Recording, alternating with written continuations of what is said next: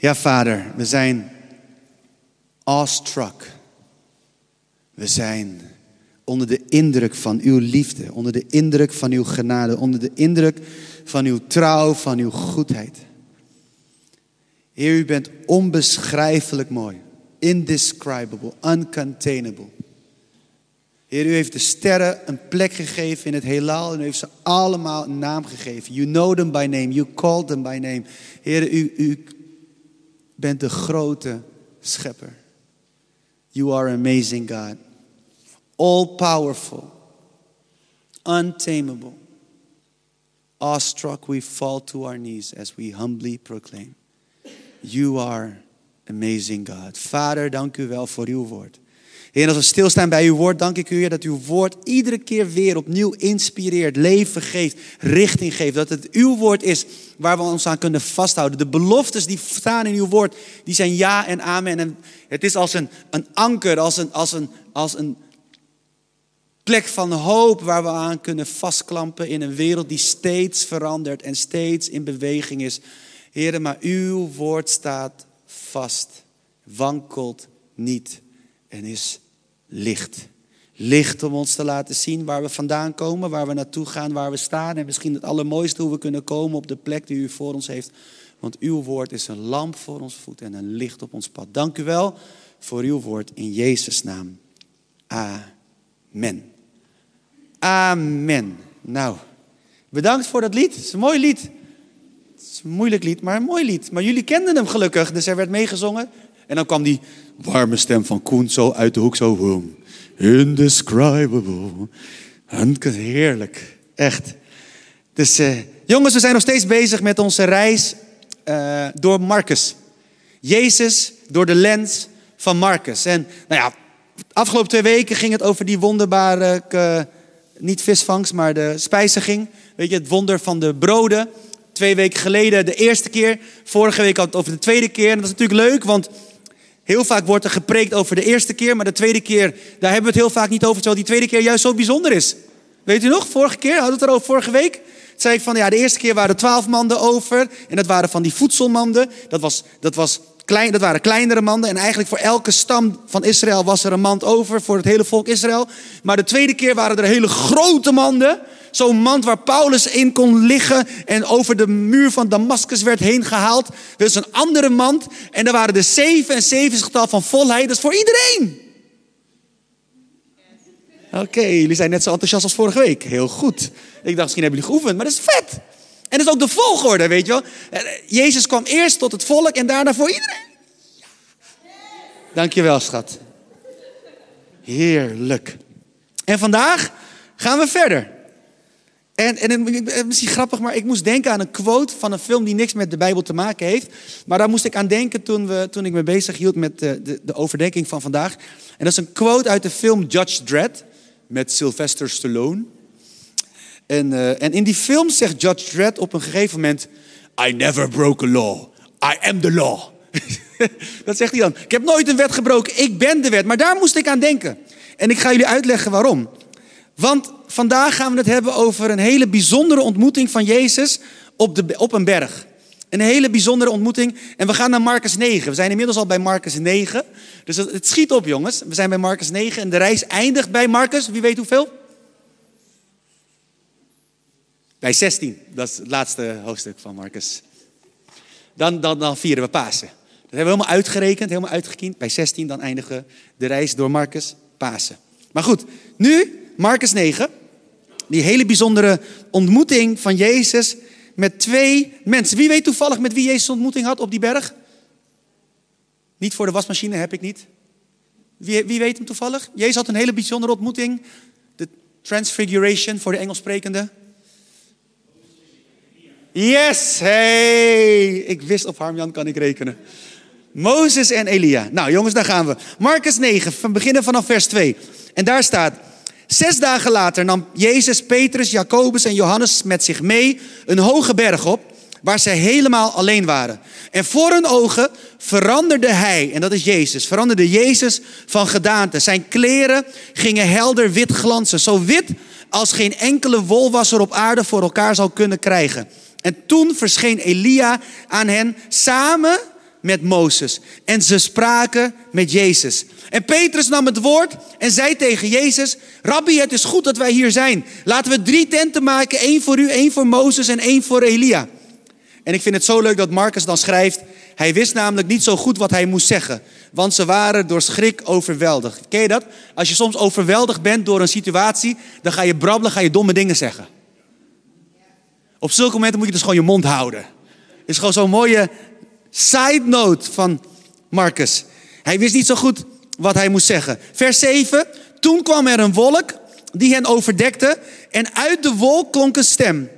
Dit is mijn geliefde zoon, luister naar hem. En ze keken om zich heen en zagen opeens niemand meer, behalve Jezus, die nog bij hen stond. Dit stuk, hè, ik vind het een mooi stuk.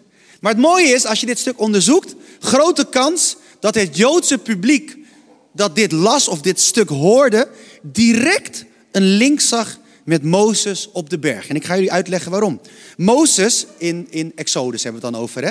Exodus. Mozes nam ook drie mannen die bij naam werden genoemd, mee de berg op. Het duurde ook zes dagen voordat er iets bijzonders gebeurde. En ook bij Mozes was er een wolk. En ook daar sprak God vanuit de wolk. En veranderde Mozes zijn gelaat. Je zou bijna kunnen zeggen dat Jezus hier de rol van Mozes als middelaar vervult. Dat is leuk, een beetje bijbelkennis, altijd leuk.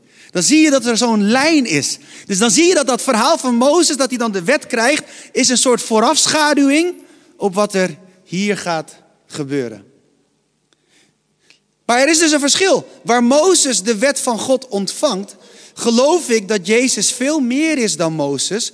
En niet zozeer dat Jezus de wet ontvangt, maar een openbaring is in het vlees van Gods wet, van zijn liefde.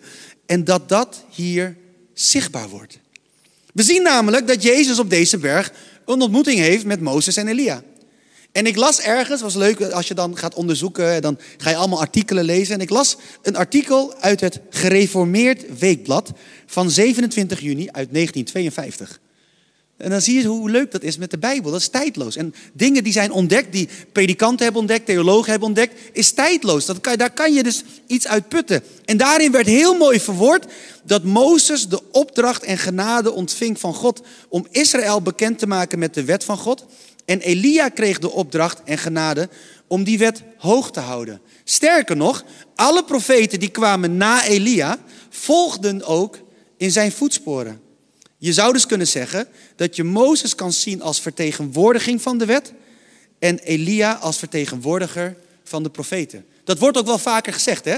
Dat in deze ontmoeting was Mozes de vertegenwoordiger van de wet en Elia de vertegenwoordiger van de profeten. En als je dat samenvoegt, de wet en de profeten, wat krijg je dan? Ik ga het jullie vertellen. Ik ga het jullie vertellen. De wet en de profeten, uh, binnen de Joods, het Joodse geloof, wordt de Tenach, wordt ook de wet en de profeten genoemd. De Tenach bestaat uit de Torah, dat is de wet. En ik kan geen Hebreeuws uitspreken, ik kan het alleen soort van lezen, maar uitspreken is altijd lastig. Maar dat tweede ding, de N-E, dat staat voor de profeten. En die laatste CH staat voor het Hebreeuwse woord wat geschriften betekent. Dat is het Oude Testament voor ons. Alleen, wie weet toevallig het verschil tussen het Oude Testament en de Tenach? Weet iemand dat toevallig? De volgorde van de boeken. Ik weet ook niet waarom. Wij hebben de volgorde anders gemaakt. Het is heel interessant om dat te weten. De Joden hebben een bepaalde indeling die best wel logisch is. Maar nee, wij dachten wij doen het anders. Wij hebben een andere volgorde bedacht. Maar dat is leuk om een keer thuisstudie. Kan je een keer doen. Gewoon Google, thuisstudie. Verschil te nacht, Oude Testament. Heel leuk. Kan je ook weer heel veel van leren. Want hoe de Joden het Oude Testament hebben in volgorde gezet, dan worden sommige dingen ook duidelijker. Zij hebben dus de, de wet hebben ze samen. Ze hebben de profeten samen en dan de geschriften hebben ze ook samen gedaan, zeg maar. En daar zitten dan de psalmen, de wijsheden, dat soort dingen zitten daarin. En dat is heel mooi om dat te zien. Maar dat is allemaal een beetje extra side info. Maar ik vind het leuk. Maar goed, we gaan door. Terwijl dus deze bijzondere ontmoeting plaatsvindt, ik zei het net al, ehm, waren Petrus, Johannes en Jacobus waarschijnlijk even helemaal ondersteboven van dat wat ze zagen. En inderdaad, Petrus roept dan uit, zullen we tenten opslaan zodat Mozes en Elia hier kunnen blijven. En ik denk, Los van dat, hè, dat er wordt gezegd dat Petrus iets doms zei, of dat hij niet wist wat hij moest zeggen. Ik denk dat Petrus iets hier heel menselijks deed.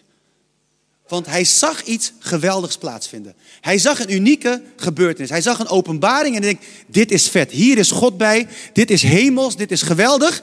Dit wil ik zo lang mogelijk vasthouden. En dat doen wij heel vaak. Wanneer wij een beweging van God zien, wanneer wij zien dat God ergens in beweegt, dan willen we het proberen te begrijpen, dan willen we het kaderen, willen we het boksen, willen we het helemaal ontleden, zodat we het kunnen snappen, zodat we het kunnen herproduceren. Maar het ding met God is, je kan God niet herproduceren. God is eeuwig, hij beweegt eeuwig, hij werkt eeuwig, hij verandert, hij raakt mensen aan, hij doet het iedere keer op zijn manier. Zelfs als je twee keer een wonderbaarlijke spijziging heeft, doet hij het de tweede keer op een andere manier. Dat is God. En je ziet het nu ook gebeuren. In Amerika is er een, een, een, een gebedssamenkomst van een universiteit.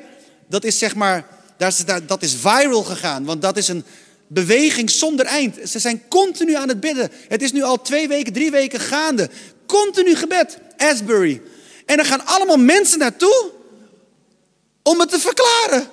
En dan denk ik, hou je mond, onderga het, ontvang het en klaar. Ik heb theologen gezien met allemaal, hoe noem je dat? Verklaringen. Ja, want hier gebeurt dit en dat. Of dat ze gaan zeggen, ze gaan het dan klassificeren. Ja, is dit wel echt van God? Denk ik, doe iets nuttigs met je leven. Er komen mensen tot geloof. Mensen worden geraakt door de liefde van Jezus. Dit is te gek. Vier het. Ben je het er niet mee eens? Hou je mond. Maar we proberen het te boksen. En wat ik zo gaaf vind van die studenten, ik, ben, ik vind het echt vet. Op een gegeven moment komen dan ook zeg maar, de, de celebrity Christians, zeg maar, die willen dan helpen. Waarschijnlijk met de beste intenties. Maar dan zeggen die studenten, of die, de, de, de administration zegt dan, nee, doe maar niet. Want God heeft deze studenten uitgekozen. Het is een student-led, zonder celebrities beweging. En dat willen we graag zo houden. Dus als je daar naartoe gaat, is het geweldig. Weet je, alles wat wij hebben bedacht over en, en ontdekt over nieuwe kerkvormen. En weet je, het moet er mooi uitzien, de sfeer moet mooi zijn, lampjes moet je hebben, je moet een beamer hebben, het geluid moet goed zijn. Ik heb dingen gezien van die dienst. Er zitten gewoon, ze hebben een vleugel, ze hebben een gitaar, een cajon. En af en toe klinkt het voor geen meter. Maar God werkt er doorheen. Het is een beweging van God. En ik zeg niet dat, je dus, dat we dit dus zo moeten doen, want dat ga je dus nu krijgen. De mensen zeggen, zie je wel, je moet dus geen hele band hebben, je moet geen lichten hebben, je moet geen beamer hebben. Ik denk, nee, de ene keer werkt God door een beamer en de andere keer werkt hij zonder beamer. Hij gebruikt gewoon wat er is. Weet je wel, en dat is, dat is een beetje mijn punt. Van Petrus probeert het te boksen, hij wil het vasthouden. Hij denkt, dit wil ik nooit meer kwijtraken. Maar dan raak je het juist kwijt. Uh, ik moest denken terwijl ik hier aan dacht, om uit te leggen dat het heel menselijk is. Een paar jaar geleden, nog voor de hele pandemie, voor corona, toen uh, mochten Sharon en ik zingen op een bruiloft. Dat was heel leuk. Ik ga jullie meenemen in ons, een stukje geschiedenis van ons samen. We werden uitgenodigd op een bruiloft. En, en uh, die mensen vroegen, waren vrienden van vrienden. En die vroegen, hoeveel kost dat? Ik zeg, nee joh, jullie zijn vrienden van vrienden. We komen gewoon zingen, geen probleem. Zo zijn wij. En toen hoorde dat die bruiloft in Monaco was. Heel, heel fancy, fancy. Voor mensen die Monaco een beetje kennen. De, de dienst waar wij dus waren uitgenodigd om te zingen was in uh, Hermitage Hotel. En, en, en het feest was in Hotel de Paris.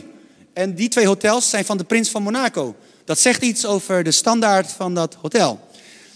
Toen schrokken wij, want we dachten wij moeten dus daar naartoe. En we hadden ook gezegd, we hoeven geen geld. Dus hoe moet ik daar een hotel betalen? Ik kan jullie vertellen, zelfs de Novotel, dat was de goedkoopste hotel wat we konden vinden, was al een paar honderd euro per nacht. Dus ik zei tegen Sharon, we moeten bidden, we hebben geen geld voor het hotel. En toen zeiden die mensen, ja, we hebben een hotel voor jullie geboekt. Maar sorry, uh, Hermitage en uh, Hotel de Paris zat al vol. Dus we hebben een ander hotel, is het oké? Dat was dan de Fairmont. Dat is voor de Monaco, de, de Formule 1 fans, dat is bij de Haarspeldbocht. Zeg maar precies daar, met uitkijk op de zee. En ik zei, oh dat is wel, uh, dat is oké. Dus ik keek op de website, goedkoopste kamers, we gingen vanaf 400 en wij hadden niet de goedkoopste kamer, kan ik jullie zeggen. Ik denk, oh Sharon, dat is leuk. Maar goed, lang verhaal kort. Omdat wij zeiden dat we gratis daar naartoe wilden gaan, hadden ze ons dik gezegd. Ze hadden ons onkostenvergoeding gegeven. We hebben nog nooit zoveel geld gekregen voor een opdracht, maar dat was onkostenvergoeding. En toen zeiden ze, omdat jullie niks vragen, zijn jullie gasten van de familie. Ik zeg, oh wat leuk. Dus we mochten naar het welkomstdiner, was in de jachtclub van Monaco. Onbeperkt wagyu beef A5 en, en lobster en dat soort dingen.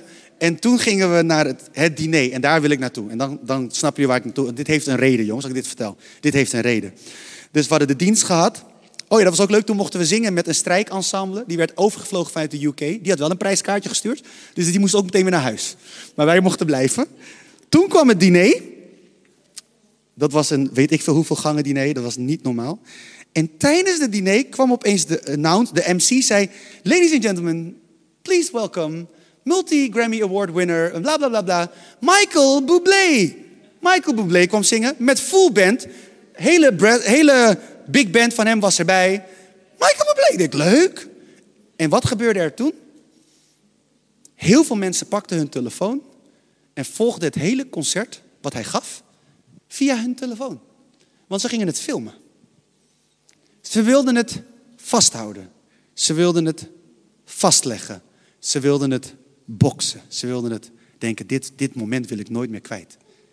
Mijn eerste reactie was dat ook. Maar toen dacht ik, wat, wat is de kans dat wij hier zitten en eten, dat Michael Bublé op deze afstand van ons zingt? Ik zei tegen Sharon, kom schat, we gaan dansen. En we gingen zo schuifelen met z'n tweetjes voor Michael Bublé. En we zaten helemaal in het moment.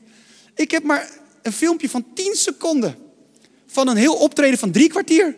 Maar we hebben het zo intens van genoten van het moment. Dat moment hebben we samen beleefd. En dat is precies wat ik bedoel. Wanneer, je, wanneer God een beweging doet in je leven, dan kan je het proberen te boksen, het proberen te analyseren en het proberen te begrijpen. Of je kan het ondergaan en ervan genieten. En dat je een herinnering hebt die je met je hele leven meeneemt. Niemand ontneemt ons die herinnering. We hebben niet de beelden om het te bewijzen. But we don't care. We waren daar. Weet je, en dat is. En nou is Michael Bublé. Bedoel, je hebt God, dus helemaal daarboven. En Michael Bublé zit helemaal hier. Dit, is, en God doet dingen in ons leven. En, en laten we niet de menselijke fout maken. Dat we het willen boksen. Dat we dingen willen vastleggen, vasthouden. Maar dat we gewoon het vertrouwen hebben om het moment te beleven, zodat je het niet mist. En ik snap wel waarom je het soms wil vasthouden. Ik snap het heel goed. Ik snap het heel goed. Ik had het de eerste keer dat ik naar Disneyland Parijs ging met onze dochters. De eerste keer. Toen gingen we naar de vuurwerkshow kijken. En ik heb die hele vuurwerkshow gefilmd, want ik wilde in het moment zijn. Maar ik was helemaal niet in het moment. Ik keek deelde naar mijn schermpje. En iedere keer als iemand opstond, dan moest ik zo een beetje, beetje bewegen. Hop. En ik heb zo die hele vuurwerkshow gemist. En ik dacht, ja, want anders kan ik het niet vasthouden. Ik kan jullie vertellen, we zijn de jaren daarna nog een paar keer geweest. En die vuurwerkshow was elk jaar hetzelfde. ik heb het voor niks vast proberen te leggen. Weet je, als ik het gewoon had beleefd, had ik het daarna nog een keer beleefd en daarna nog een keer beleefd. Dus onderga het, beleef het, geniet ervan. Geniet ervan. Maar goed, we gaan terug naar ons verhaal. Terug naar ons verhaal. Jezus is voor mij de ultieme belichaming van het nieuwe verbond. Ik zei net al, de wet en de profeten staat voor het Oude Testament, het Oude Verbond. Jezus is voor mij de ultieme belichaming van het nieuwe verbond. Want waar het Oude Verbond vergeving bewerkstelligde met het bloed van bokken en schapen, heeft Jezus in het Nieuwe Verbond vergeving gekocht met zijn bloed. En Jolijn zei het al, we zijn nu op weg naar Pasen. Daar zijn we naartoe, onderweg. Je ziet ook hier vanaf Marks 9 begint Jezus ook te vertellen over zijn lijden en sterven. Hij begint de discipelen klaar te maken. En ik denk de komende weken gaan we bewegen richting dat moment dat Jezus zijn leven geeft. En dat hij dan daarna weer opstaat uit de dood. Dat is natuurlijk waarom we Pasen vieren. Maar Jezus beweegt er al naartoe.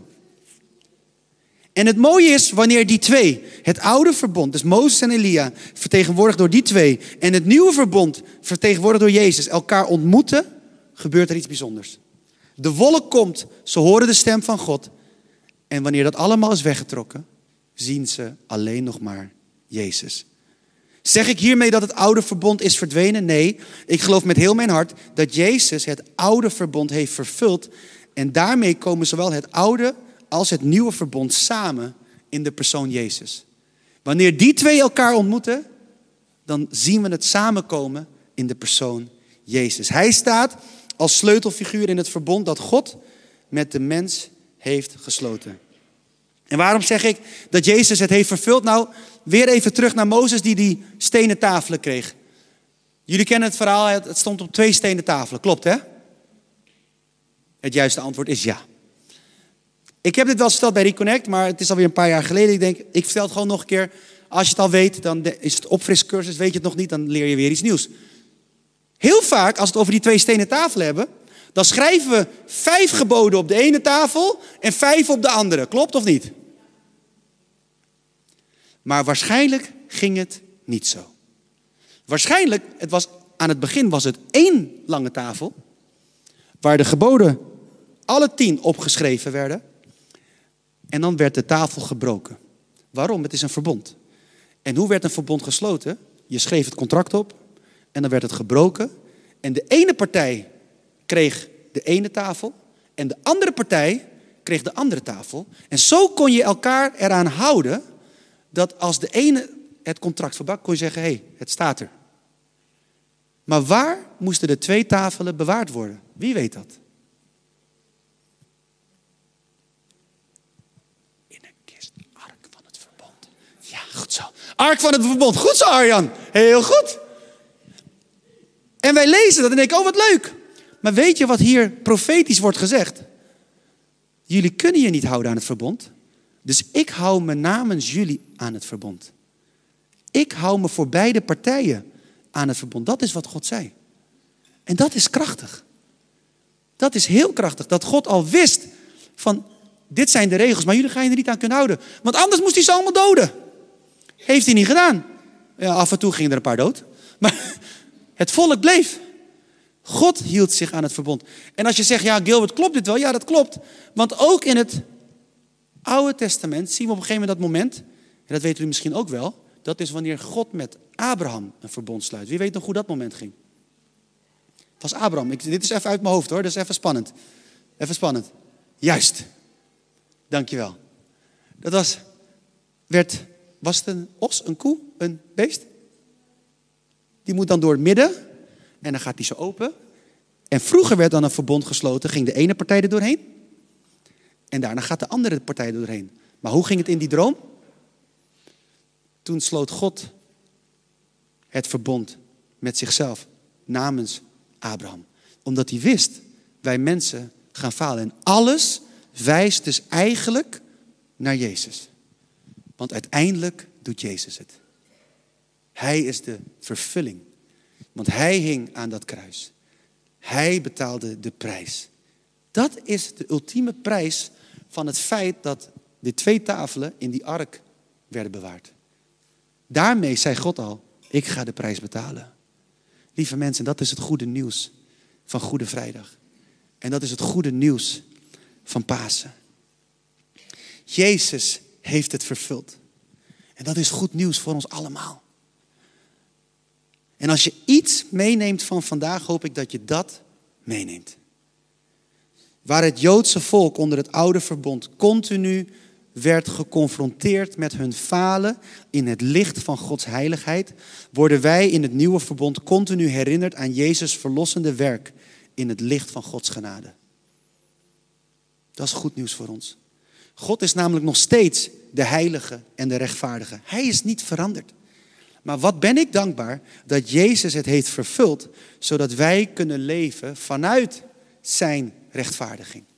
Wij zijn gerechtvaardigd niet vanwege onze werken, maar vanuit Jezus' werk voor ons. Daarom zijn we rechtvaardigen. Dat is goed nieuws. Oké, ik ben echt de enige die hier heel blij mee is. Dit is echt vet.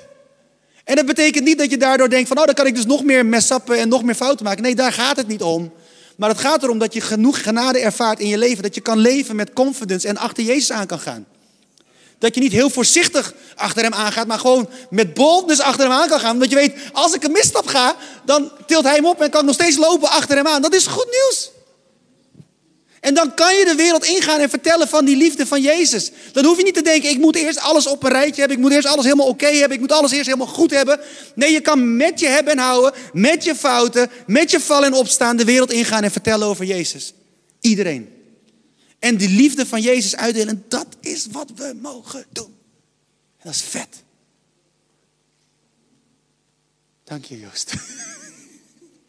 We gaan een keer een cursus terugpraten doen, denk ik, bij Reconnect. Dit is echt hilarisch. Op een gegeven moment in coronatijd was ik eraan gewend dat de zaal stil was. Dan had ik alleen een camera, maar nu zijn er weer mensen. Zelfs de mensen in de chat praten nog harder terug soms. Tik ze in amen. Halleluja. Moet je maar kijken, soms wordt het gezegd. Goed gezegd, is ook leuk. Maar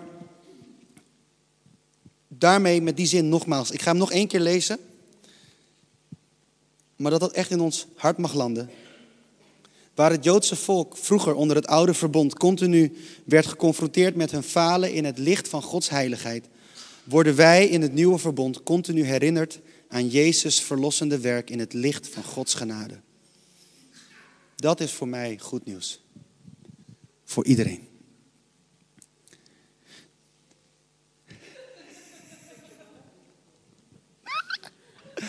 Oké, we gaan dit echt een keer oefenen. We gaan een keer een cursusdag doen. Dat het... Oh, wat hou ik van jullie. Jullie zijn echt zo leuk. Oké. Maar ik hoop echt dat je dat mee mag nemen. Wie je bent. Of je nou amen hebt gezegd of niet. Ik ga nu even naar mijn vrienden in de chat. Kijken of zij wel wat zeggen. Hier, goed gezegd Arjan. Top Arjan. Bedankt. oh jongens. Ik wil jullie voorgaan in gebed. En waar ik specifiek voor wil bidden is dat dat goede nieuws mag landen in ons hart. Want ik geloof met heel mijn hart dat we onszelf te vaak disqualificeren omdat we precies weten waar we falen. Maar het probleem met wanneer je disqualificeert, dan ga je leven vanuit een bepaalde overtuiging dat je niet goed genoeg bent. En dan is het heel moeilijk om vrijmoedig uit te stappen en uit te delen van wat God je heeft gegeven. En ik zeg dit omdat ik dit van mijn eigen leven ook ken. Er zijn momenten geweest dat ik mezelf disqualificeerde. En dat ik dacht, ik ben niet goed genoeg. Ik moet mijn leven op orde maken. Ik moet dit, ik moet dat, ik moet zus, moet zo. Ik kan niet mensen vertellen van Jezus, want ik doe nog dit en dit en dit. Ik, ik, ik kan niet Gods liefde uitdelen, want dan voel ik mezelf een hypocriet. En ik weet niet of je dat herkent, maar ik heb die momenten echt gehad. Maar als je ontdekt, het, is, het hangt niet van mij af, maar het hangt van Jezus zijn werk af. Dat is goed nieuws. En het helpt ons ook om anderen minder snel hypocriet te vinden. Want dat doe ik ook wel eens. Steeds minder. God is goed voor mij. Maar in het verleden had ik altijd een mening klaar. Dacht ik, ja, je kan dat wel leuk zeggen, maar ik weet, uh, gast, uh, hypocriet. Been there, done. Maar als je ontdekt hoe genadig God voor jou is, misschien is God dan ook zo genadig voor de ander. Ik had één keer in mijn dieptepunt van hypocrisie, ik ben echt zo'n hypocriet geweest. Echt serieus. Ik, wat, ik had, als je daar prijzen mee kon winnen, ik was echt de beste. Echt, ik had mening over mensen en ik dacht dat ik het allemaal wist. En op een gegeven moment was het alsof God tegen me zei... Want ik, ik was een beetje boos op God. Ik zei, ja, hoeveel geduld moet ik met die mensen hebben? Ze luisteren niet. Dus, uh, ik vond mezelf zo zielig. En het was alsof God zei, net zoveel geduld als ik met jou. En was ik meteen uitgepiept. Ik was klaar. Want God heeft heel veel geduld met mij. En nog steeds, elke dag, meerdere keren per dag, heeft hij geduld met mij. Echt waar. En als wij zo geduldig kunnen zijn naar de ander, zoals God geduldig is met ons, wordt de kerk een leukere plek om te zijn. Echt waar. En dan wordt kerk ook een welkomere plek om te zijn. Dan kunnen mensen komen. En dan kan je denken, hé, maar die? Hé, maar die? En denk oh nee, Heer, u bent ook geduldig met mij. Ik ben ook een work in progress. Ik ben ook een stappenplan. Meerjarenplan. Het duurt heel lang. Maar dan kunnen we genadig zijn. En ik geloof dat de kerk een plek mag zijn waar genade wint. En dan, wanneer we genadig zijn, kan je ook de waarheid prediken. Dan kan je gewoon heel eerlijk zijn. Maar dan is er zo'n warmte en zo'n liefde, dan doet de waarheid ook minder pijn.